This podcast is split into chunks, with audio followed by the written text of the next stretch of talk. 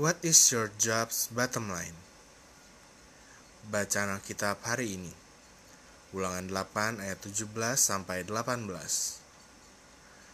Maka janganlah kau katakan dalam hatimu, kekuasaanku dan kekuatan tanganku lah yang membuat aku memperoleh kekayaan ini. Tetapi haruslah engkau ingat kepada Tuhan, Allahmu, sebab dialah yang memberikan kepadamu kekuatan untuk memperoleh kekayaan, dengan maksud meneguhkan perjanjian yang diikrarkannya dengan sumpah kepada nenek moyangmu, seperti sekarang ini. Ayat hafalan 1 Tawarikh 29 ayat 12 Sebab kekayaan dan kemuliaan berasal daripadamu, dan engkaulah yang berkuasa atas segala-galanya. Dalam tanganmu lah kekuatan dan kejayaan dalam tanganmu lah kuasa membesarkan dan mengokohkan segala-galanya. Renungan inspirasi Banyak orang Kristen sering kali berpikir bahwa hanya ada segelintir orang yang melakukan pelayanan sejati, yaitu misionaris, gereja, dan organisasi non-profit yang sering memberikan sumbangan. Tetapi salah satu pengusaha Kristen paling sukses sepanjang masa membuktikan bahwa stigma tersebut salah. Arthur Guinness melayani dan memberitakan Injil melalui perbuatan dan perkataannya dalam berbisnis. Guinness memperlakukan karyawannya dengan sangat baik. Ia memberikan fasilitas perawatan medis selama 24 jam, simpan pinjam untuk membantu karyawannya memiliki rumah, biaya pemakaman, biaya pensiun tanpa harus memberikan kontribusi apa pun, biaya pendidikan anak-anak, dan juga biaya pendidikan karyawan tersebut. Dengan demikian, ia telah menunjukkan usahanya bukan hanya sarana untuk menimbun kekayaan bagi diri sendiri, tetapi utamanya adalah untuk memuliakan Tuhan dan sesama. Dari kisah Guinness, kita mengerti bahwa pelayanan dapat dilakukan dalam pekerjaan apa pun. Yang terpenting terletak pada inti atau bottom line yang dipercayai setiap orang dalam pekerjaannya.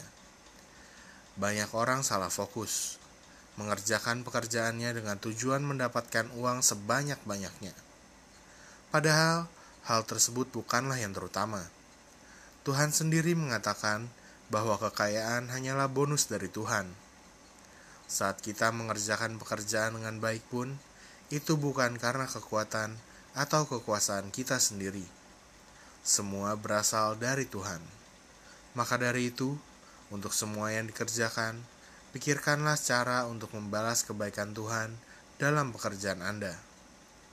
Biarkan dasar dalam melakukan setiap pekerjaan terletak pada fakta tentang bagaimana melalui pekerjaanku ini saya dapat memuliakan nama Tuhan dan lebih memberkati orang lain. Mulai hari ini, tetapkanlah dasar yang benar pada segala hal yang Anda kerjakan.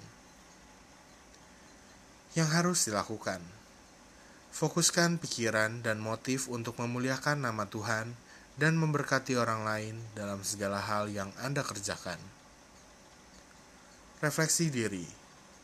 Pertama, apa yang menjadi bottom line Anda saat bekerja selama ini? Gua ulangi, apa yang menjadi bottom line Anda saat bekerja selama ini?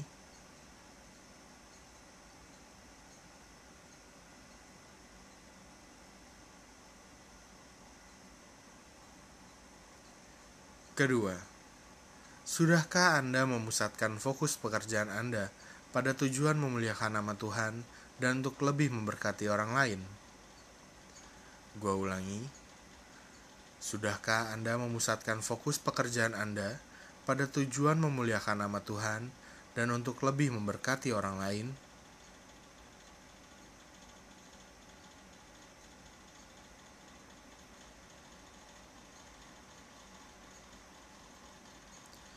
Hikmat hari ini Glorify God's name and bless other more.